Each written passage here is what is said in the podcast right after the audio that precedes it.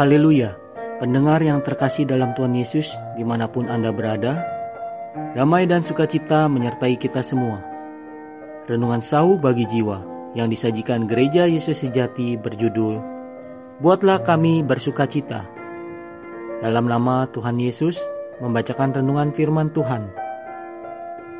Buatlah kami bersukacita, seimbang dengan hari-hari Engkau menindas kami seimbang dengan tahun-tahun kami mengalami celaka.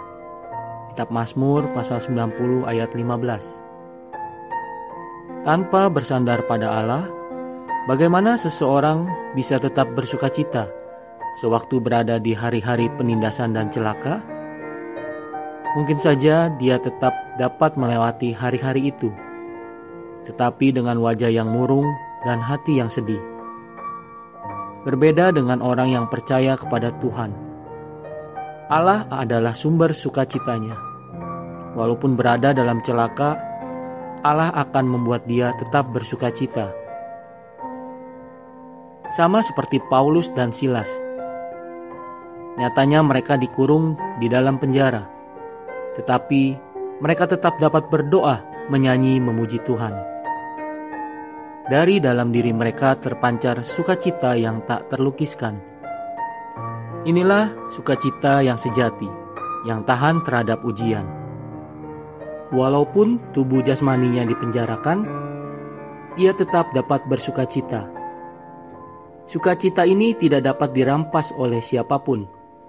Kekuatan internal yang tidak dapat dibuat-buat untuk mengelabui orang kepala penjara yang menjaga mereka memperhatikannya, sehingga dia mau mendengarkan Injil yang mereka beritakan, sehingga membawa si isi rumahnya percaya dan dibaptis. Malam itu, kepala penjara dan seluruh keluarganya sangat bergembira karena percaya kepada Tuhan. Apakah engkau sudah lama tidak bergembira karena terjerumus ke dalam lumpur penderitaan? Apakah engkau pernah berlarut-larut di dalam kesusahan sehingga sulit bersuka cita? Mungkin engkau pernah berusaha bersuka cita dalam segala perkara, tetapi cepat gagal dan menyerah karena keadaan yang terus menekan, atau oleh karena ulah orang, baik sengaja maupun tidak sengaja. Bila demikian, janganlah cepat-cepat menyerah hendaklah kamu semakin berani menghadapi tantangan. Berusaha sukacita, walaupun sulit bersukacita. Dengan demikian, akhirnya engkau akan menang dan sungguh-sungguh bersukacita. Marilah kita belajar kepada Paulus yang sewaktu berada di dalam kesusahan besar, tetap tak henti-hentinya menyanyi memuji Tuhan. Sukacita sejati ini adalah sukacita yang Tuhan janjikan dan berikan.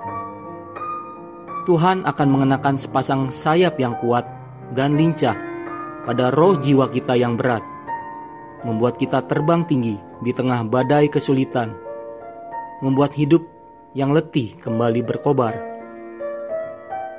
Tubuh Paulus penuh dengan parut bekas luka oleh karena melayani Tuhan. Dia bersaksi, lima kali aku disesah orang Yahudi, setiap kali empat puluh kurang satu pukulan Tiga kali aku didera, satu kali aku dilempari dengan batu, tiga kali mengalami karam kapal. Sehari semalam aku terkatung-katung di tengah laut. Dalam perjalananku, aku sering diancam bahaya banjir dan bahaya penyamun. Bahaya dari pihak orang Yahudi dan dari pihak orang-orang bukan Yahudi. Bahaya di kota bahaya di padang gurun, bahaya di tengah laut, dan bahaya dari pihak saudara-saudara palsu. Aku banyak berjeri lelah dan bekerja berat.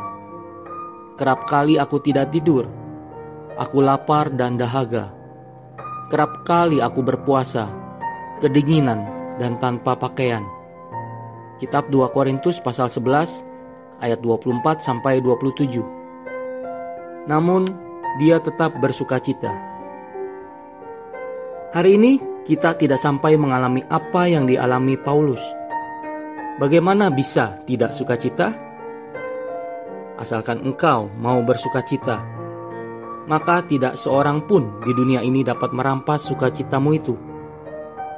Cukuplah kasih karunia Allah bagimu. Biarkanlah Dia menolong engkau agar selalu bersukacita. Tuhan Yesus menyertai kita semua. Amin.